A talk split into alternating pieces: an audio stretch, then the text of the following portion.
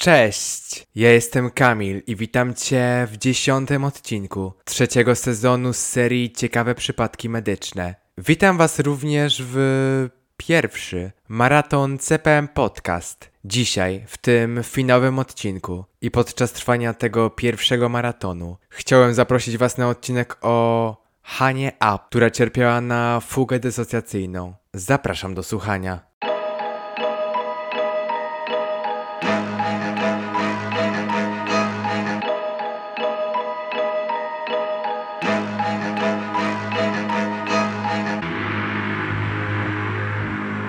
Około południa, 16 września 2008 roku, kobieta unosiła się twarzą w dół w wodzie na południowym Manhattanie, w stanie Nowy Jork. Dwóch mężczyzn pracującym na pobliskim pokładzie promowym wyławiają kobietę z wody. Żyła, ale potrzebowała hospitalizacji z powodu hipotermii, odwodnienia i silnego oparzenia słonecznego po jednej stronie ciała. Rozpoczyna się próba ustalenia tożsamości kobiety. To Hannah Up, nauczycielka, która zaginęła trzy tygodnie wcześniej. Pod koniec sierpnia 23-letnia nauczycielka opuściła swoje mieszkanie w Nowym Jorku, aby pobiegać. W szpitalu powiedziała, że ostatnią rzeczą, jaką pamięta, jest to, że właśnie poszła biegać.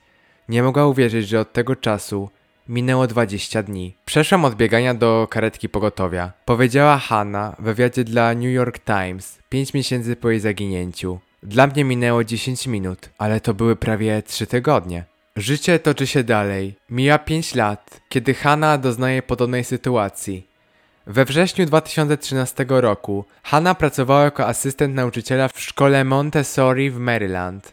Pewnego ranka policja poinformowała jej matkę, że na chodniku znaleziono portfel i telefon jej córki. Zaginęła dwa dni temu, a kiedy uzyskała pamięć znajdowała się w potoku w stanie Maryland z wózkiem na zakupy obok niej. Poprosiła nieznajomego o pożyczenie telefonu, aby mogła zadzwonić do swojej mamy, która przyjechała po swoją 28-letnią córkę. Ostatniej nocy nasza ukochana Hanna była bezpieczna i zdrowa i jest już w domu.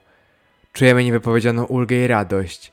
Jesteśmy niezmiernie wdzięczni za wasze przemyślenia, modlitwy i uwagę w czasie jej zaginięcia. Powiedziała mama Hanny w publicznym oświadczeniu. Rok później Hanna przenosi się na Karaiby, gdzie również pracuje w zawodzie nauczycielki. Gdy kobieta mieszkała na wyspie, we wrześniu 2017 roku huragan Irma przeszedł przez Karaiby i spowodował niszczycielskie zniszczenie w jej nowym domu. Przetrwali huragan, ale w ciągu kilku dni miała przybyć druga fala niszczyciela. 14 września 2017 roku Hanna powiedziała swoim współlokatorom, że idzie do szkoły, ale nigdy do niej nie dotarła ani nie wróciła do domu. Następnego dnia na pobliskiej plaży znaleziono jej schludnie ułożone ubrania i kluczyki do samochodu. To był wrzesień, czyli ten sam miesiąc, w którym było jej poprzednie zaginięcie kilka lat wcześniej i znowu jej zniknięcie było związane z wodą. Jej przyjaciele przeszukiwali wybrzeże i morze przez trzy dni, zanim musieli przerwać poszukiwania, ponieważ zbliżała się kolejna klęska żywiołowa huragan Maria. We wrześniu 2017 roku, w trakcie jej zaginięcia, jej przyjaciele i rodzina założyli stronę na Facebooku Find Hannah Up. Do dnia dzisiejszego Hanna jest poszukiwana, a wszystkie nowe fakty w sprawie relacjonowane są na Facebooku. Pewnie zastanawiacie się, jaki był powód amnezji nauczycielki. Otóż kobieta cierpiała na fugę dysocjacyjną, rzadki rodzaj amnezji wstecznej. Fuga dysocjacyjna definiowana jest jako nagłe oraz niewytłumaczalne opuszczenie swojego miejsca zamieszkania lub pracy. Towarzyszy jej całkowita lub tylko częściowa niepamięć przeszłości, zachowaniem starej lub nabyciem nowej tożsamości. Niniejsze zaburzenie wywołane jest najczęściej zdarzeniem o charakterze traumatycznym, na przykład przeżyciem śmierci bliskiej osoby, doświadczeniem molestowania seksualnego lub uczestniczeniem w tragicznym skutkach wypadku samochodowym. Takie wydarzenie powoduje stan silnego stresu, który przekracza możliwości radzenia sobie z nim. Klasyczna fuga dysocjacyjna trwa zazwyczaj od kilku godzin do nawet kilku dni czy tygodni. Osoba, która opuszcza swój dom w wyniku fugi dysocjacyjnej, nie wie dokąd zmierza. Jej zachowania oraz wypowiedzi są logiczne i nie wzbudzają podejrzeń otoczenia. Czasem zdarza się, iż osoba doświadczająca niniejszych zaburzeń odczuwa zagubienie, bądź zdaje sobie sprawę z utraty pamięci.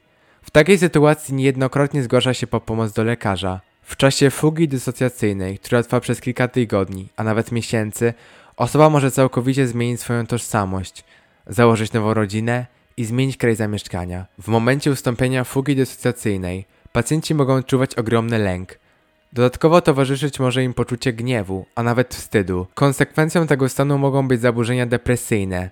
Zdarzają się również przypadki, w których pacjenci całkowicie nie radzą sobie z odzyskaniem pamięci i konsekwencjami swoich nieświadomych działań. Taka sytuacja doprowadza niejednokrotnie do próby odebrania sobie życia. Jedyną skuteczną metodą radzenia sobie z konsekwencjami fugi dysocjacyjnej jest psychoterapia. Zarówno środki farmaceutyczne, jak i hipnoza nie przynoszą oczekiwanych efektów.